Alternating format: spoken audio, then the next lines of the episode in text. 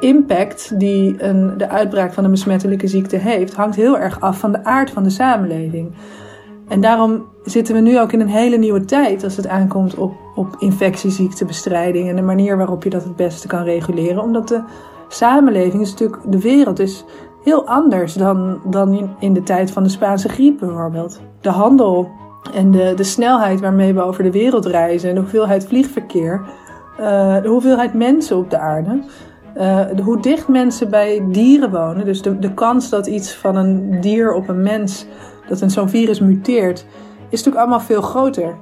Dus ze zeggen ook, we zijn in de age of pandemics terechtgekomen. Dat de, de kans dat dit nog een keer gebeurt, is gewoon redelijk groot.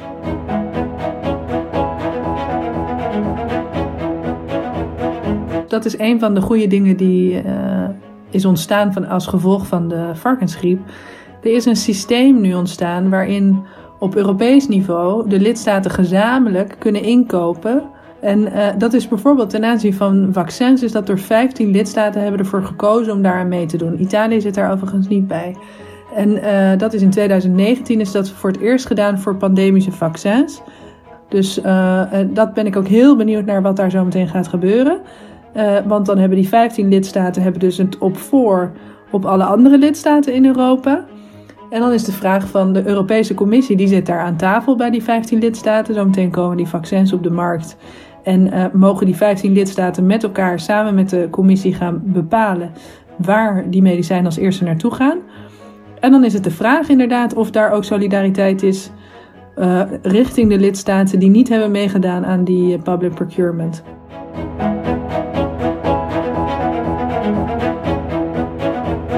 Dag allemaal, welkom bij de Stuk Rood Vlees podcast. Mijn naam is Armen Hakverdian, ik ben politicoloog aan de UvA. Volg ons via Twitter, @stukroodvlees of via www.stukroodvlees.nl. U kunt mij volgen via @hakverdian en uh, abonneren op deze podcast kan via allerlei podcast apps en laat dan ook meteen een rating of een review achter. Het is pas twee weken geleden dat de directeur-generaal van de Wereldgezondheidsorganisatie de corona-uitbraak bestempelde als pandemie Tijdens diezelfde persconferentie stelde de WHO-chef het volgende: All countries must strike a fine balance between protecting health, minimizing economic and social disruption and respecting human rights. Inmiddels hebben veel landen ingrijpende maatregelen ingesteld om het coronavirus terug te dringen, vaak ten koste van individuele vrijheden die voor de meeste van ons zo vanzelfsprekend zijn als de lucht die we inademen. Ik spreek over dit immense spanningsveld tussen volksgezondheid en mensenrechten met Annick de Ruiter. Annick is universitair hoofddocent in Europees recht aan de UvA en daarnaast gespecialiseerd in gezondheidsrecht. Ze is ook directeur van het bureau Clara Wigman, dat al ruim 30 jaar strijdt voor de maatschappelijke en juridische positie van vrouwen. U kunt Annick volgen op Twitter, Annick de en ik zal in de show notes ook linken naar een aantal stukken en haar website, zodat u het allemaal rustig in uw eigen tijd kunt nalezen. Veel plezier met Annick de Ruiter.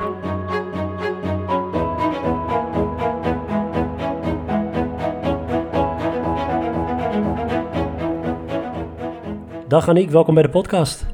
Hi Armen, leuk om hier te zijn. Hartstikke fijn. Waar, waar ben je eigenlijk nu precies?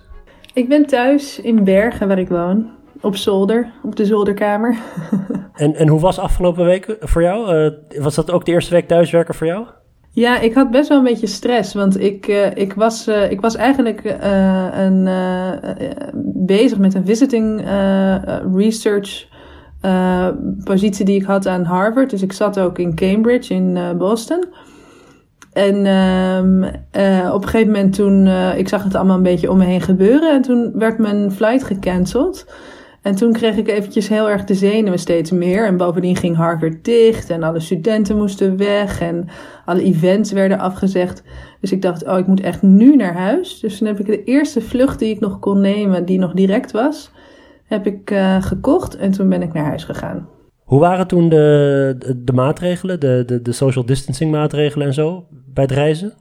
Uh, ja, die waren er al wel. Maar ja, goed, in zo'n vliegtuig, je zit gewoon vlak bij elkaar. Um, er waren wel veel minder stoelen bezet. En ik denk dat dat ook gewoon was omdat uh, Delta, uh, zeg maar, de vliegtuigmaatschappij heel veel vluchten had. Uh, gewoon, waren gewoon niet doorgegaan. Heel veel mensen hebben hun vlucht natuurlijk afgezegd zelf ook. En naast mij zat een mevrouw die zat um, eigenlijk de hele weg te bidden. Dus dat was wel, die was echt heel zenuwachtig. Ja, heftig. Um, jouw vakgebied is Europees recht en gezondheidsrecht. Kun je kort uitleggen waar jouw onderzoek over gaat en wat precies jouw expertise is? Ja, mijn eerste expertise is eigenlijk Europees recht. Maar uh, ik, heb dat, ik pas dat eigenlijk toe. Of ik kijk eigenlijk steeds naar wat is nou de impact van Europees recht op gezondheidsrecht. En in hoeverre is eigenlijk ook het recht van Europa gezondheidsrecht. Want dat is er eigenlijk ook. Um, en uh, dan heb ik in de afgelopen paar jaar ben ik me met name bezig gaan houden met de rol van de Europese Unie bij uh, grote ziekteuitbraken. Wat ik heb vastgesteld is dat er op internationaal niveau, bijvoorbeeld bij de Wereldgezondheidsorganisatie, is heel erg nagedacht over um, op welke manier kan je, als er zo'n urgente situatie is, nou eigenlijk zorgen dat je precies de balans goed hebt tussen uh, de bescherming van individuele rechten en tegelijkertijd het beschermen van de publieke gezondheid. En, en hoe kan je nou die balans vinden? Want dat betekent, soms betekent dat dat ook individuele rechten uh, aan de kant moeten worden gezet om de publieke gezondheid te beschermen. En, um, uh, maar dat ze daar bijvoorbeeld ook hebben nagedacht over: oké, wanneer begint een crisis? Wanneer mag je bepaalde maatregelen nemen en wanneer houdt die crisis ook weer op, zodat het ook weer normaal kan worden en dat we niet in een constante staat van emergency terechtkomen. En op het niveau van de lidstaten is daar vaak ook behoorlijk goed over nagedacht. Soms is dan er iets geregeld in de grondwet. Soms wordt er iets geregeld dat het parlement daar een besluit over moet nemen. Of, of zelfs soms een, het, een, eh, een gerechtshof. Maar in Europa is er eigenlijk helemaal nog niet heel erg goed over nagedacht hoe nou om te gaan met die balans tussen de bescherming van de rechtsstaat en allerlei fundamentele rechten die daar een rol spelen en de noodzaak om op een bepaald manier gewoon, op een bepaald moment gewoon van alles te doen. Dus mijn onderzoek gaat er eigenlijk over hoe, hè, vanwege het feit dat Europa de facto wel steeds meer gaat doen tegen de bestrijding, in de bestrijding van grote ziekteuitbraken, hoe kun je er nou voor zorgen dat ook op Europees niveau uh, die balans goed wordt gemaakt? Maar het is ongelooflijk. Je bent dat, dat onderzoek begonnen uh, voor deze corona-uitbraak en deze crisis.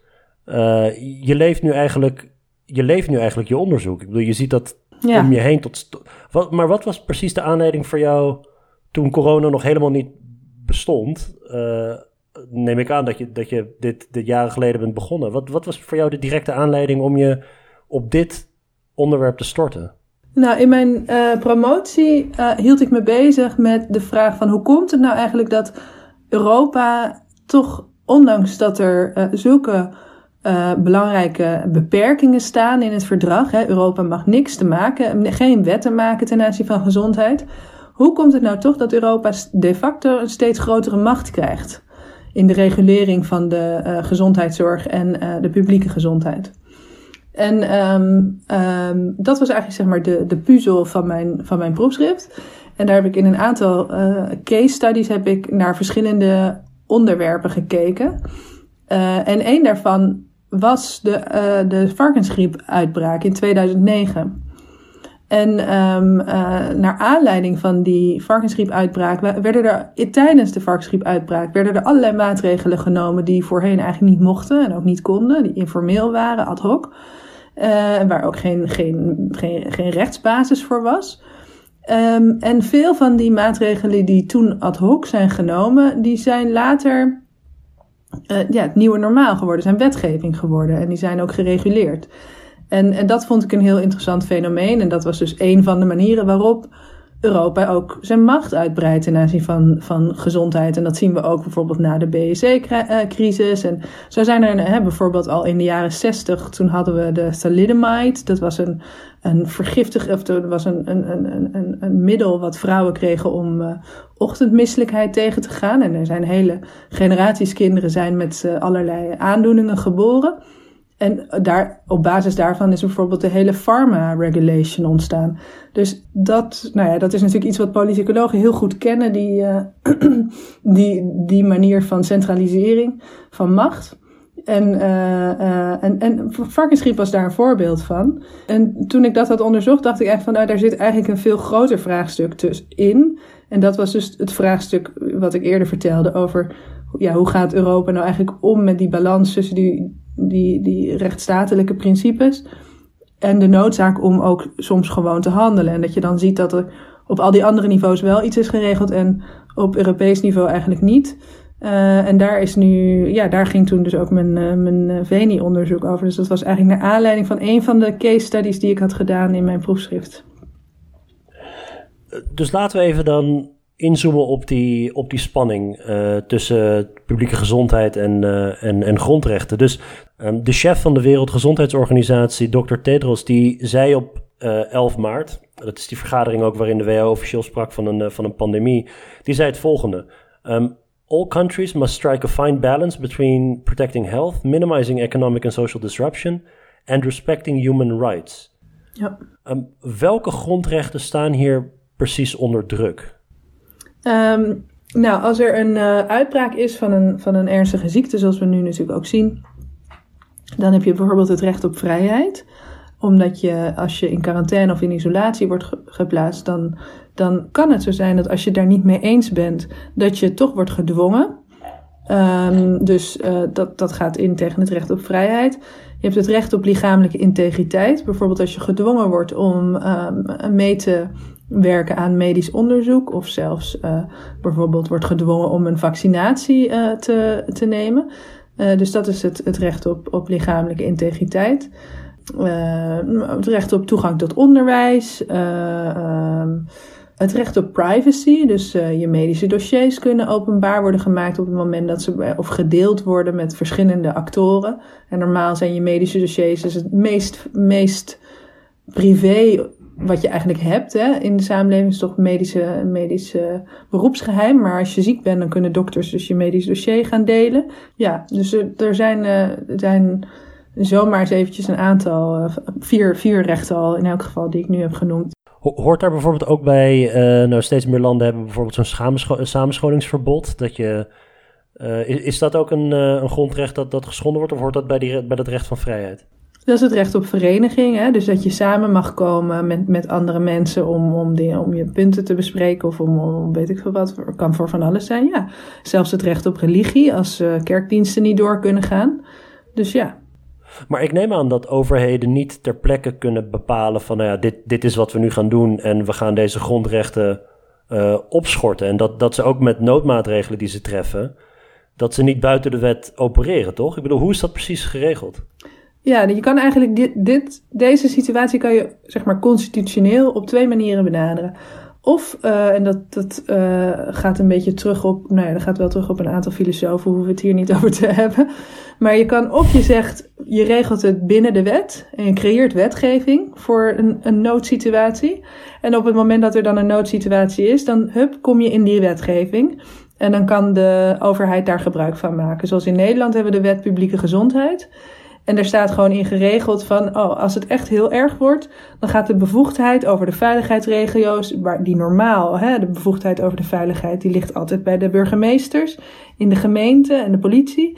Maar als het in zo'n geval, dan hup, gaat hij naar de minister voor volksgezondheid, die dan de veiligheidsregio's overziet. Dat zijn de GGD's, weet je wel. En dan ontstaat er een, een, een, een nood een, een, een regime eigenlijk wat alleen maar van toepassing is in het geval van nood. En dan kunnen er ook allerlei maatregelen worden genomen die normaal niet genomen kunnen worden. Uh, dat is dus als je het binnen de wet regelt. Een andere manier om er naar te kijken is om te zeggen: nee, we gaan deze um, noodsituatie helemaal niet regelen in het recht. We gaan hem uitzonderen van het recht. We creëren dus in plaats van een state of emergency, creëren we een state of exception. En in, in het geval van nood komen we dus in een soort van wetteloze situatie waarin allerlei uh, maatregelen genomen kunnen worden die buiten de wet vallen. Wat dus ook betekent dat je allerlei fundamentele rechten mag ondermijnen. Uh, maar we, we markeren wel in het recht het begin van deze situatie en het einde. En op het moment dat we aan het einde zijn, dan hebben we bijvoorbeeld een parlement of een, of een, uh, of een hof, een gerechtshof, die dan zegt: En nu zijn we aan het einde en nu mag mogen al deze maatregelen niet meer. Maar hoe dan ook zijn het alle twee benaderingen die gebruikt worden om de enorme macht die bij de uitvoerende macht komt te liggen, bij de executive, om die uh, een klein beetje met het recht in te perken. Want dat is natuurlijk wat zo'n noodsituatie doet.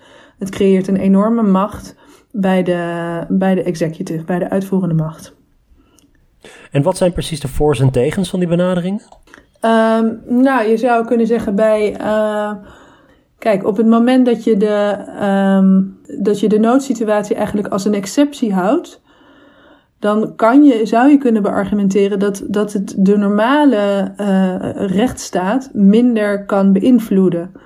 Omdat uh, alles wat er tijdens de noodsituatie gebeurt, is exception. En dus zal het nooit de rule uh, beïnvloeden. Terwijl als je het als in een, in een state of emergency, dan um, gebeurt alles binnen het recht. En dat betekent ook dat de kans, en dat is wat mensen zeggen, maar goed, ik, nou, ik heb daar mijn twijfels bij. Maar bij een state of emergency, de kans dat je um, de gewone orde, de rule of law, aantast en verandert, dus dat je in een soort van continue staat van emergency terechtkomt, is dan wat groter, omdat het dan makkelijker is om te zeggen van, nou ja, goed, um, we hebben deze rechtsregel nu zo toegepast en zo geïnterpreteerd en dat, dat, dat kan dan de volgende keer ook wel weer zo, weet je wel, want we zaten immers binnen het recht. En dus beide, voor beide benaderingen valt wel iets te zeggen. Dan moet ik zeggen, als je kijkt naar gezondheid, is in alle lidstaten het gewoon binnen het recht geregeld. Uh, uh, en ook in Europa zijn er regels over. En ook van, natuurlijk vanuit de Wereldgezondheidsorganisatie hebben we de International Health Regulations. Dus eigenlijk zie je dat het overal altijd binnen het recht wordt geregeld. En er is ook een hele goede reden voor, omdat je eigenlijk voorbereid wilt zijn op dit soort situaties. Um, dus uh, juist als je ook juridisch goed bent voorbereid en alle taken zeg maar goed zijn toebedeeld, van als dit gebeurt dan ben jij verantwoordelijk daarvoor en jij verantwoordelijk daarvoor, dan, nou ja, als er dan eenmaal een noodsituatie is, dan ben je dat niet allemaal nog aan het organiseren, maar dan heb je daar tenminste van tevoren al over nagedacht. Maar dat, uh, dat veronderstelt dat je in het verleden ervaring hebt ge gehad met dit soort uitbraken, of dat je lessen trekt uit andere landen en dat je daar een beetje op, op anticipeert. Klopt. En ik bedoel, van, kijk, uh, grote uitbraken van, van besmettelijke ziekten zijn natuurlijk zo oud als de wereld. Dus in principe is er geen reden om, om niet enigszins voorbereid te zijn hierop. Alleen wat natuurlijk altijd interessant is, en dat is sowieso bij het recht, de samenleving verandert gewoon lekker door natuurlijk. Dus de impact die een, de uitbraak van een besmettelijke ziekte heeft, hangt heel erg af van de aard van de samenleving. En daarom zitten we nu ook in een hele nieuwe tijd als het aankomt op, op infectieziektebestrijding en de manier waarop je dat het beste kan reguleren. Omdat de samenleving is natuurlijk, de wereld is heel anders dan, dan in de tijd van de Spaanse griep bijvoorbeeld. Door de manier waarop we, met, waarop we de handel en de, de snelheid waarmee we over de wereld reizen en de hoeveelheid vliegverkeer, uh, de hoeveelheid mensen op de aarde. Uh, hoe dicht mensen bij dieren wonen, dus de, de kans dat iets van een dier op een mens, dat een zo'n virus muteert, is natuurlijk allemaal veel groter. Dus ze zeggen ook, we zijn in de age of pandemics terechtgekomen, omdat dit is niet de laatste keer, de, de kans dat dit nog een keer gebeurt, is gewoon redelijk groot. Er wordt natuurlijk heel veel vergeleken met, uh, met, met andere landen of tussenlanden. En de Chinese aanpak die heeft heel veel aandacht gekregen. Aan de ene kant blijkbaar succesvol vanuit het standpunt van de volksgezondheid en het terugdringen van besmettingen en testen en isoleren. Aan de andere kant zijn er ook heel veel mensen die zeggen: ja, dat, dat is mogelijk omdat China sowieso een infrastructuur had met surveillance, repressie. Uh, nou ja, een van de meest repressieve landen ter wereld. Is het een eerlijke vergelijking om te zeggen: nou ja, de Chinese aanpak werkt wel zij doen die maatregelen en dat dat onmogelijk is in bijvoorbeeld een democratische rechtsstaat? Of kun je binnen een democratische rechtsstaat ook op hele grote schaal zeggen, bijvoorbeeld die camera's die de Chinese uh, overheid inzet om bijvoorbeeld um, nou ja, de, de, de, temperatuur van mensen live te meten. En zodra er iets wordt, uh, wordt gevonden, uh, isoleren, ook weg bij je kinderen bijvoorbeeld, of, of wat ook mogen zijn hebben onze uh, leiders de middelen om zoiets te doen in het geval van een calamiteit? Uh, tuurlijk. Je kan gewoon met elkaar besluiten van... we kunnen heel prima democratisch met elkaar besluiten. We gaan vanaf nu overal camera's neerzetten en mensen hun temperatuur meten. Je kan ook heel prima democratisch met elkaar besluiten om mensen weg te halen bij hun kinderen als ze ziek zijn. Dus ik denk eerder dat er een soort van Um, dat het verschil is dat in China natuurlijk SARS en een aantal andere uitbraken daar al veel meer impact hebben gehad. Chinezen hebben al veel langer ook dat ze bijvoorbeeld mondkapjes dragen. En, uh, dus er is veel meer bewustzijn over, um, over ja, dit soort problematiek. Dus ik denk dat mensen wel wat dat betreft beter zijn voorbereid. En ik denk ook eerlijk gezegd dat waarschijnlijk het zorgstelsel daar beter is voorbereid. Kijk, Europa probeert al heel lang uh, lidstaten uh, aan allerlei preparedness plans te laten houden en zo. Maar als je kijkt naar bijvoorbeeld onze surge capacity, dus hoeveel ziekenhuizen hebben bij ons nou eigenlijk nog um, een goede spoedeisende hulp, met hoeveel bedden en hoeveel IC's en bla bla bla. We hebben in de afgelopen tijd alleen maar hele grote fusies gezien. Uh, tuurlijk is een, een spoedeisende hulp is duur. Hè? Er staat 24 uur per dag staat er personeel. Uh, je moet waarschijnlijk één OK in elk geval altijd in paraatheid houden. Dus je moet ook nog eens dat OK-personeel. dus dat zijn allemaal hele dure dingen. Uh, en dus is het zinvol in de gewone tijd, als er niks aan de hand is, om maar een beetje te gaan fuseren. En allerlei efficiëntie. Maar op het moment dat er zoiets gebeurt, dan ben je natuurlijk wel de sjaak. Want je, je capaciteit voor een grote aantallen patiënten is enorm afgenomen. Maar ik vind het interessant dat je zegt dat bijvoorbeeld iets als uh, je. Uh, dat ouders scheiden van hun kinderen mocht blijken dat, dat, uh, dat er sprake is van infectie en dat er geïsoleerd moet worden, dat je dat democratisch zou kunnen besluiten. Dan, je, je bedoelt dat het normale parlementaire proces eigenlijk blijft functioneren met, of, of dat er een soort parlementaire meerderheid moet staan achter dat besluit en dat het dan democratisch is? Of... Nou ja, bijvoorbeeld um, het recht op de bescherming van je, van je persoonsgegevens, je medische gegevens. Dat is niet iets wat absoluut is. En zelfs in de Europese red, regelgeving daarover staat, op het moment dat het gaat om het beschermen van de publieke gezondheid, dan mag daarvan worden afgeweken. Dus je kan heel goed zeggen, we maken een specifieke wet waarin staat dat er drones mogen, mogen rondvliegen waarin ieders temperatuur wordt, wordt opgenomen. Dat kan in principe gewoon, hè? zeker als dat een democratisch besluit is. Dus uh, hetzelfde geldt voor mensen isoleren of, of, of, of in uh, quarantaine. Ik zeg niet dat ik het in alle gevallen ermee eens ben. Maar uh, het is niet zo dat de rechten die we hebben, zoals het recht op, op familieleven bijvoorbeeld, absoluut zijn. En in heel veel van dat soort rechten is juist de bescherming van de publieke gezondheid een, een uitzonderingsgrond. En wie, en wie zorgt er dan voor dat, dat de overheid niet te ver gaat of te machtig wordt? In dat soort situaties? Dat zijn wij, dus dat gaat over de kiezers. Uiteindelijk kunnen wij als kiezers dan uh, vinden dat de meerderheidsbesluiten die zijn genomen en de regelgeving, dat die teruggedraaid moet worden. Dus dan moeten we kiezen voor partijen die dat terugdraaien. Maar geen, geen rol voor de rechter? Ja, zeker. Kijk, je kan natuurlijk altijd zeggen eh, op een gegeven moment, uh, als jou iets overkomt waar je het niet mee eens bent, ik ga naar de rechter en ik ga zeggen, deze uh, regel die op mij van toepassing was, die is in strijd met fundamentele rechten. Hè? En in dit geval is, in mijn specifieke geval, is die balans tussen die individuele rechten en die rechten van het collectief, van de, om de publieke gezondheid te beschermen, niet goed afgewogen. Um, dus dat kan, oh, het kan, je kan argumenteren dat het niet proportioneel was. En dan kan de rechter zeggen, nou inderdaad, deze wetgeving voldoet niet. Of deze, de manier waarop de wetgeving werd toegepast voldoet niet. Dat is gewoon eigenlijk allemaal het normale proces. Maar dat is toch ook de, de paradox van de democratie, is dat zelfs de democratie zelf zichzelf kan afschaffen. Uh, ja, ja, zeker. Nee, dat, ik bedoel, die spanning tussen een meerderheidsbesluitvorming en een, en, een, en een democratische overheid en aan de andere kant minderheidsrechten, dat, dat is een spanning die we ook iedere dag uh, yeah. uh, ondergaan. Maar um, is er nog een rol voor de rechter weggelegd in zo'n calamiteit als deze of in, in, in, bij noodtoestanden? Of, ja, zeker. Hoe, hoe snel kan de rechter ingrijpen mocht, ja, mocht de overheid dus echt drastisch haar boekje te buiten gaan? Ja, dus de, dat kan met name bijvoorbeeld bij medisch onderzoek, als mensen medisch onderzoek moeten ondergaan en ze dat echt niet willen. Of bijvoorbeeld, ik voorzie ook wel dat er mogelijk is dat er op een gegeven moment een vaccin is en dat iedereen verplicht dat vaccin moet nemen. En dat er mensen zullen zijn die zeggen, nou, dat wil ik niet vanwege religieuze redenen of, of, of, of, of mm. levensstijlkeuzes. Dat is natuurlijk een heel erg groot debat.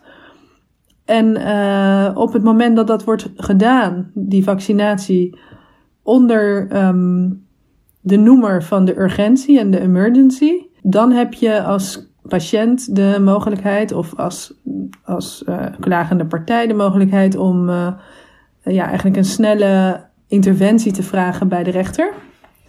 Alleen het lastige, bedoel, de, de rechter is dan natuurlijk in een hele lastige positie, want die moet dan eigenlijk gewoon dezelfde afweging maken tussen de publieke gezondheid en het individuele geval.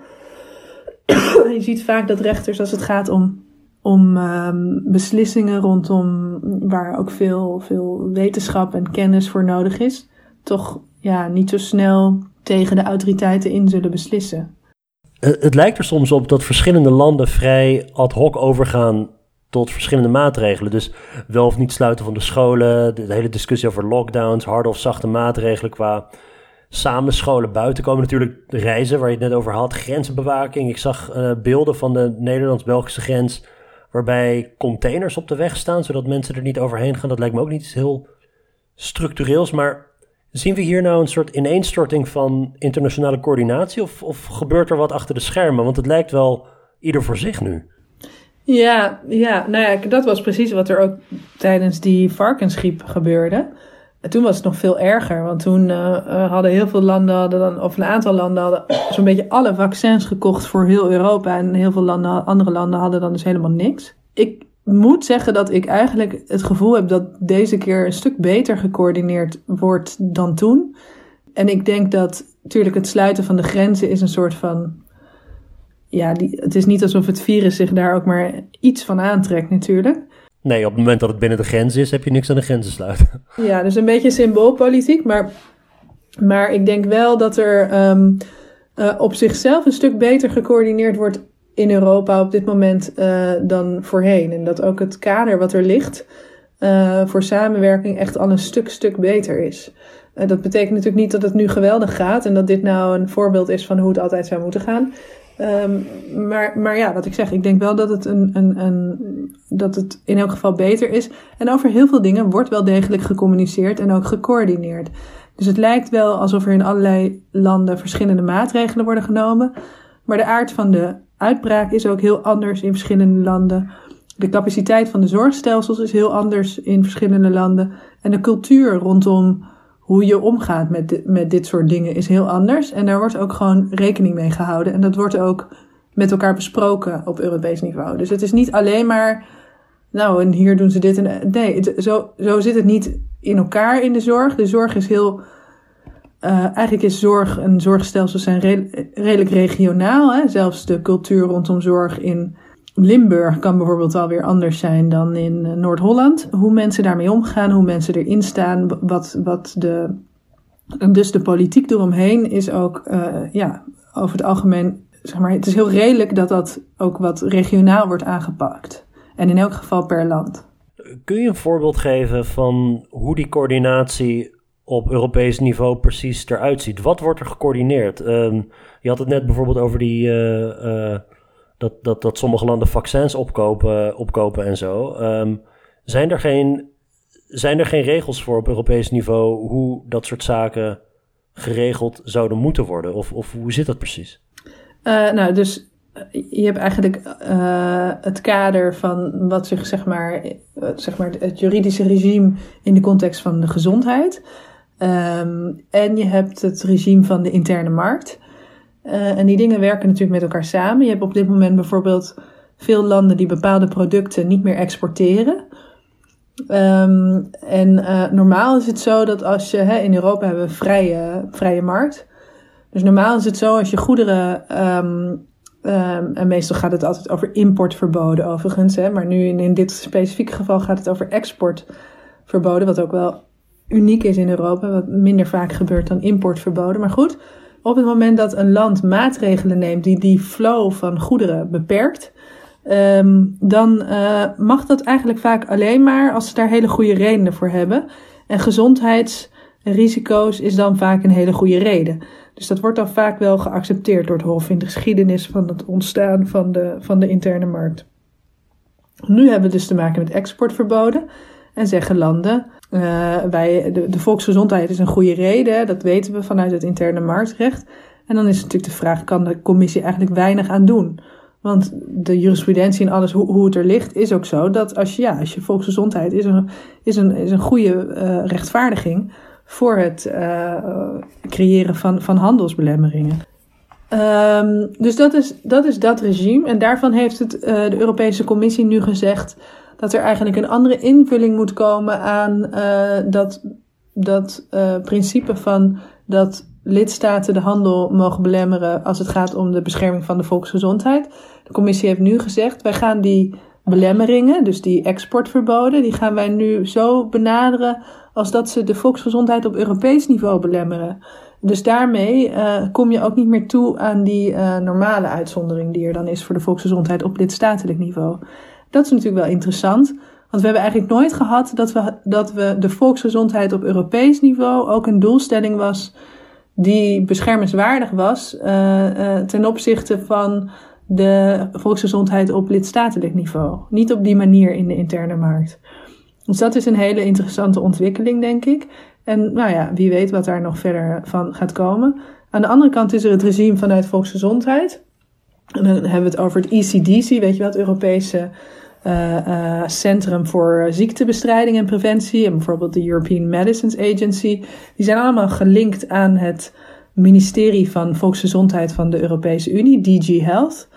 En um, daar wordt eigenlijk elke keer dat bijvoorbeeld een lidstaat zo'n belemmering, een, een exportverbod creëert, moeten ze dat melden bij de Europese Commissie dat ze dat hebben gedaan. En dan wordt daarover gesproken in, uh, verband met, in een verband, dat heet de Health Security Committee, waar alle uh, ministeries eigenlijk dagelijks met elkaar in overleg zijn over welke maatregelen ze op het niveau van de lidstaten nemen en in hoeverre dat overeenkomt met richtlijnen uit Europa of niet. Dus het is niet zo dat als die dingen gebeuren, dat niemand daarvan weet en dat niemand het er verder over heeft. Dat wordt in principe allemaal gecoördineerd. En bijvoorbeeld ook uh, welke informatie aan het publiek wordt gegeven, wat er moet worden gedaan, bijvoorbeeld handen wassen, afstand houden enzovoort. Dat wordt op zichzelf daar allemaal ook gecoördineerd. Alleen, uh, het is een coördinatie, dus het is geen hele. Uh, het is niet zo dat Europa heel veel macht heeft om te zeggen: ja, als je nu dit doet, dan, dan mag dat niet. Hè? In de interne markt situatie wel, dan kan er echt, kan de commissie naar het, naar het Europese Hof gaan bijvoorbeeld, of kan, kunnen ze eerst een infringement procedure starten en dan kom je terecht bij het Europese Hof. Maar ja, als het aankomt op wat ga je communiceren met het publiek, of um, we gaan nu de contacten traceren van, van de mensen die besmet zijn, dat zijn uiteindelijk toch beslissingen die je wel op Europees niveau coördineert van hoe je dat dan doet. Maar als daar wat verschillen zitten, in zitten per lidstaat, ja, dan, dan is er eigenlijk niks wat de Europese Unie zelf kan doen om dat te voorkomen.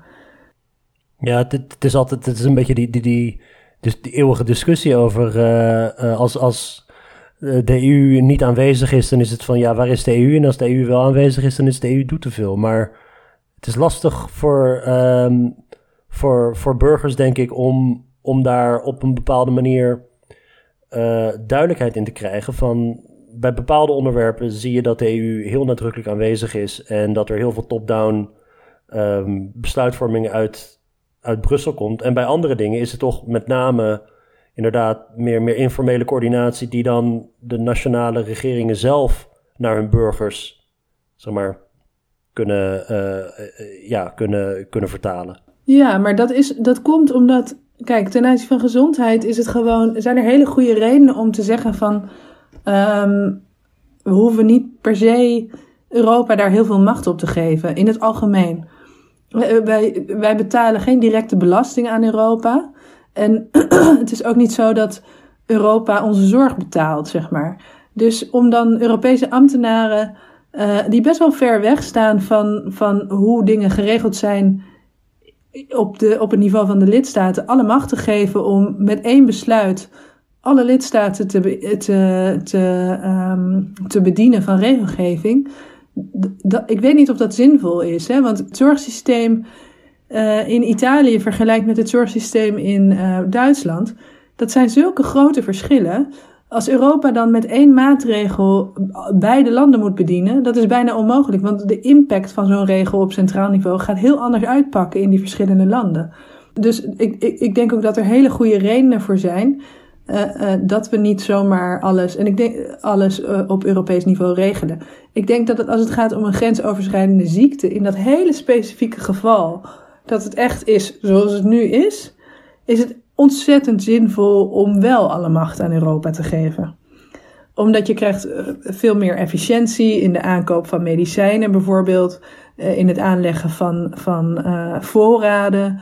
Um, in het bepalen waar moeten de, de vaccins zo meteen als eerste naartoe. Um, in inderdaad het coördineren van de maatregelen.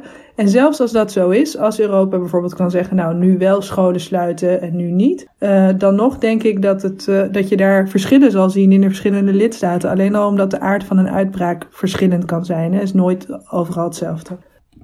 Italië was afgelopen week, misschien was het afgelopen week of, of twee weken geleden al. God, het, mijn hele besef van tijd is een beetje uh, aan het warpen in deze, in deze crisis. Maar ze waren kritisch over solidariteit vanuit Brussel of vanuit andere lidstaten. Ja, dat klopt, want ze hebben om hulp gevraagd en ze hebben het niet gekregen. De vraag was of, of het er wel was, of die... Uh, maar er was in eerste instantie was er echt ook in Europa, wat jij ook al zei, een reflex van eigen land eerst. Maar dat is nu wel volgens mij aan het veranderen. Dus uh, ik geloof nu wel ook uh, dat, dat er langzaam het besef is van, nou, dit gaat nog wel even duren en we hebben elkaar toch wel echt nodig. Ja, want de, de, de eerste berichten over ook zelfs dingen als bijvoorbeeld het ontwikkelen van medicijnen of een vaccin. Eh, misschien is dat inmiddels ook weer iets anders. Maar een week geleden had je in de media nog allemaal van die Lord of the Flies-achtige tafereelen op landenniveau.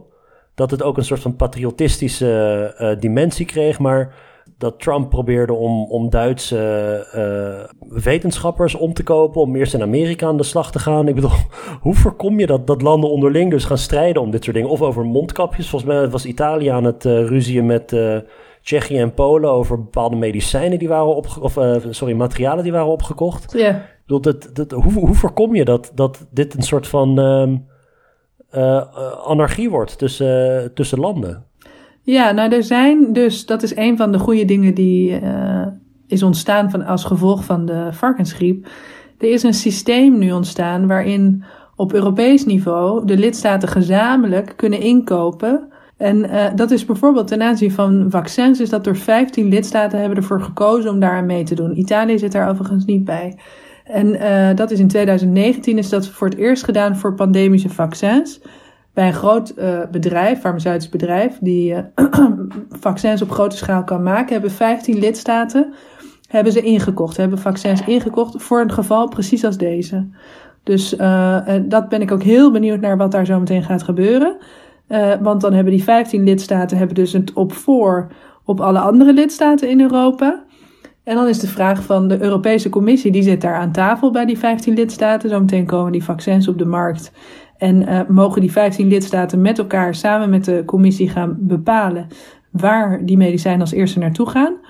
En dan is het de vraag inderdaad of daar ook solidariteit is uh, richting de lidstaten die niet hebben meegedaan aan die eh, public procurement.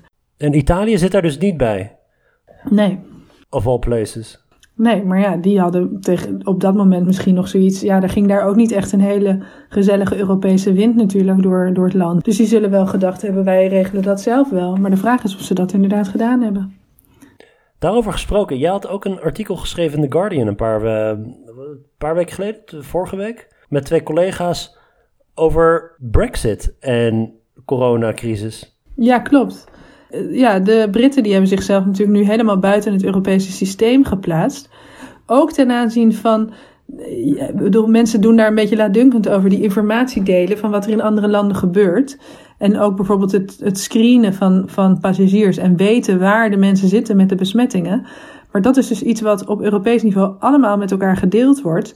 Dat is hele belangrijke informatie als je wil weten van waar je je op moet voorbereiden en, en hoe je het beste kan reageren, gezien je eigen zorgstelsel, et cetera. Bijvoorbeeld Zwitserland probeert nu al de hele tijd bij dat Europese systeem te komen. Dat, dat mag steeds maar niet van de Europese Commissie, hè, omdat ze uh, zich niet willen houden aan uh, interne marktregels natuurlijk. Maar die proberen dus ook al de hele tijd daaraan mee te doen. En, en, en Engeland, die ligt daar nu buiten. Dus die hebben een enorme, ja, zometeen een enorme informatieachterstand. Maar ook ten aanzien van die, uh, dat inkopen, gezamenlijk inkopen van die medicijnen. Uh, dat, ja, zitten ze toch echt in een, uh, in een buitengesloten positie. Net als landen als Zwitserland of, of andere landen die niet, niet meedoen aan de Europese Unie. En dat gaat dus ook consequenties krijgen voor straks als die uh, vaccins en medicijnen en, en materialen en zo gecoördineerd zijn, dat, dat, dat Verenigd Koninkrijk er buiten valt. Ja, want dan, uh, nou ja, nu heeft de Europese Commissie volgens mij heel vriendelijk gezegd dat ze toch mee mogen doen als ze dat graag willen.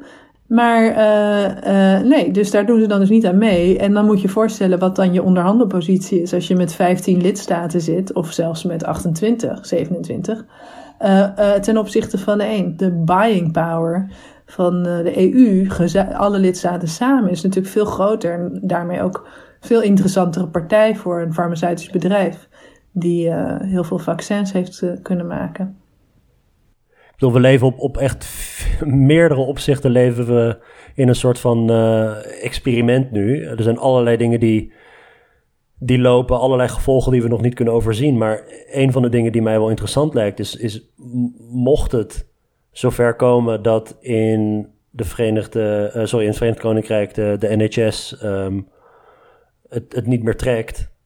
Wat gaat dan zwaarder wegen in politiek opzicht? De, ja, in, de, de noodzaak om vanuit de EU, waar ze net uit zijn gestapt, ja, om, om, om daar weer aansluiting bij te vinden. Ook al is het informeel, maar om daar aansluiting bij te vinden, wat dus vanuit politiek oogpunt heel onmogelijk uh, is misschien. Of dus om inderdaad die banden door te snijden en, en zo gescheiden te houden, maar dus wel er alleen voor te staan. Ik heb geen idee hoe dat gaat ontwikkelen. Ja, en aan de andere kant zag je ook bijvoorbeeld dat Trump dan uh, zei van uh, alle vluchten uit Europa, die worden nu stopgezet, behalve die uit de UK. Dus je ziet wel degelijk dat er, dat er een andere wereldorde dan ontstaat. Aan de andere kant denk ik ook, en dat is het grotere geheel, um, we hopen dat er, ondanks dat er Brexit is, dat er wel iets van internationale solidariteit is. Hè? Ook met, met landen die buiten Europa vallen, dat we wel gewoon, als er hulp nodig is, uh, het is natuurlijk tijdelijke hulp, dus het is niet voor altijd dat we toch proberen om elkaar een beetje bij te staan in de nood. En ik hoop heel erg dat we die verbondenheid gewoon met, met elkaar over de hele wereld nu ook kunnen voelen. Dat dat zo is met zoiets. Hè? Want dit is gewoon, ja, moeder aarde die zich even tegen ons keert. Uh, of althans, die gewoon precies doet wat ze altijd al doet. Maar in elk geval, wij, wij zijn er wel als mensen aan onderhevig. En dat kan ons ook samenbrengen, ondanks landsgrenzen en politiek en weet ik veel wat. Ja, ja, zeker. Um, we hebben het nu toch over, over, over vaccins en zeg maar dat hele proces.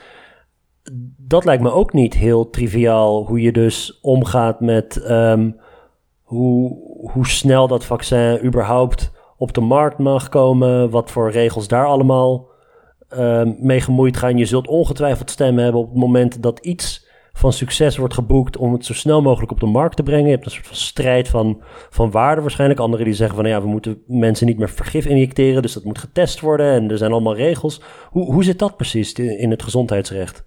Um, gegeven dat de nood ook met die pandemie zo extreem hoog is om zo snel mogelijk te vaccineren. Ja, nou wat farmaceutische bedrijven nu kunnen doen is natuurlijk al die landen tegen elkaar gaan uitspelen en wie de hoogste, de hoogste bieder die krijgt. Uh, dat, dat is ook eerder wel gebeurd. Dus dat, de, de kans dat dat gebeurt is redelijk groot. Daar kan je niks aan doen. Wat, waar je natuurlijk wel wat aan kan doen, is uh, de wijze waarop de medicijnen, hoe veilig de, men, de medicijnen zijn voordat ze op de markt worden gebracht. Dat is ook een taak van de overheid en in dit geval, in ons geval zeker ook van de Europese Unie.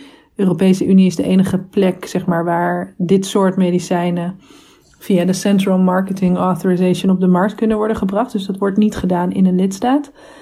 En dan is het zo dat er bij dit soort vaccins natuurlijk heel vaak de urgentie een grote rol speelt. En er zijn er allerlei speciale procedures waardoor de toestemming om het op de markt te gaan brengen veel sneller gaat.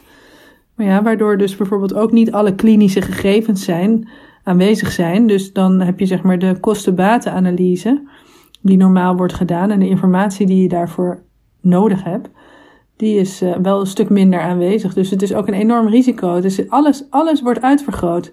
Nou, zo, die kosten-batenanalyse die wordt altijd gedaan bij de goedkeuring van, van medicijnen. En in dit geval is het natuurlijk zo, je gaat het echt, miljoenen mensen gaan zo'n vaccin nemen. Dus hoe doe je dat nou? En als je hebt ook nog eens minder klinische gegevens dan normaal. Dus het is een enorme beslissing om te nemen, om te zeggen, goed, dit medicijn gaan we nu injecteren in heel veel mensen. En we hebben niet eens alle gegevens om zeker te weten dat er niet extreme bijwerkingen zullen zijn.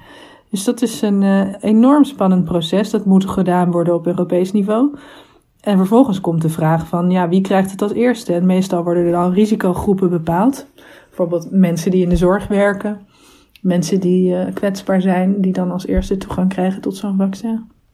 Goed, tot slot. Je bent ook um, directeur van het bureau Clara Wigman, dat al tientallen jaren vecht voor, voor vrouwenrechten. Dus misschien tot slot, zit er nog een bepaalde uh, genderdimensie in het, in het gezondheidsrecht, of, of specifieker uh, de grondrechten van mannen en vrouwen? Komen die op een andere manier in de verdrukking door pandemieën, uh, of, of maakt dat niet zoveel uit? ja, er zit zeker, er is eigenlijk niks in de samenleving wat geen genderdimensie heeft natuurlijk. En uh, in het geval, in elk geval nu van de COVID-19-uitbraak, denk ik zeker dat er belangrijke genderdimensies zijn. Het feit dat we allemaal thuis moeten blijven, uh, uh, zorgt ervoor aan de ene kant misschien dat, hè, want de, de overgrote verdeling van de taken is meestal toch nog steeds, ook in Nederland, dat vrouwen veel meer zorgen. dat mannen veel meer de kans zullen krijgen om meer tijd met hun kinderen door te brengen, wat natuurlijk een heel groot voordeel kan zijn. Aan de andere kant is het ook zo dat het huiselijk geweld enorm toeneemt. Um, uh, het is ook zo dat uh, uh, vrouwen die werken misschien thuis nog steeds meer zorgen en dus veel minder in staat zijn om, om online, et cetera, aanwezig te blijven dan mannen in dit geval. Dus dat die druk eigenlijk op die zorg alleen maar weer groter wordt. nou, dat zijn eigenlijk even een aantal dingen om te noemen. Uh, maar het is natuurlijk ook zo in dit geval dat dit specifieke virus uh, een grotere gezondheidsimpact heeft op mannen. Dus dat betekent dat wederom die druk op die zorg voor, vanuit vrouwen uh, ook wel weer um, groter wordt. Je ziet ook bij de kritieke beroepen dat die veelal op dit moment ook door vrouwen worden uitgevoerd in de zorg. Verpleegkundigen, um, de, de onderwijzers, uh, et cetera. Dus ja, ja, het heeft een hele grote genderdimensie. En ik, ik denk dat, uh, dat het goed is als daar, uh, als daar ook aandacht voor is. Ja. Aniek, heel erg bedankt voor je, voor je uitleg. Ja, hartelijk bedankt voor dit gesprek. Kunnen mensen, als ze jouw werk willen volgen, um, kunnen ze je volgen via Twitter of een website? Of, of hoe kunnen ze dat best doen? Ja, ik ben sinds kort ben ik, ik was heel lang slapende op Twitter, maar nu ben ik, uh, ben ik actief geworden op Twitter. Dus ik doe mijn best. Op Twitter kan het en op, gewoon op de Universiteit van Amsterdam op de website staat natuurlijk gewoon uh, linkjes naar publicaties. Ja, top. Ik zal daar ook naar linken in de show notes. Um, bedankt voor het luisteren en tot de volgende keer.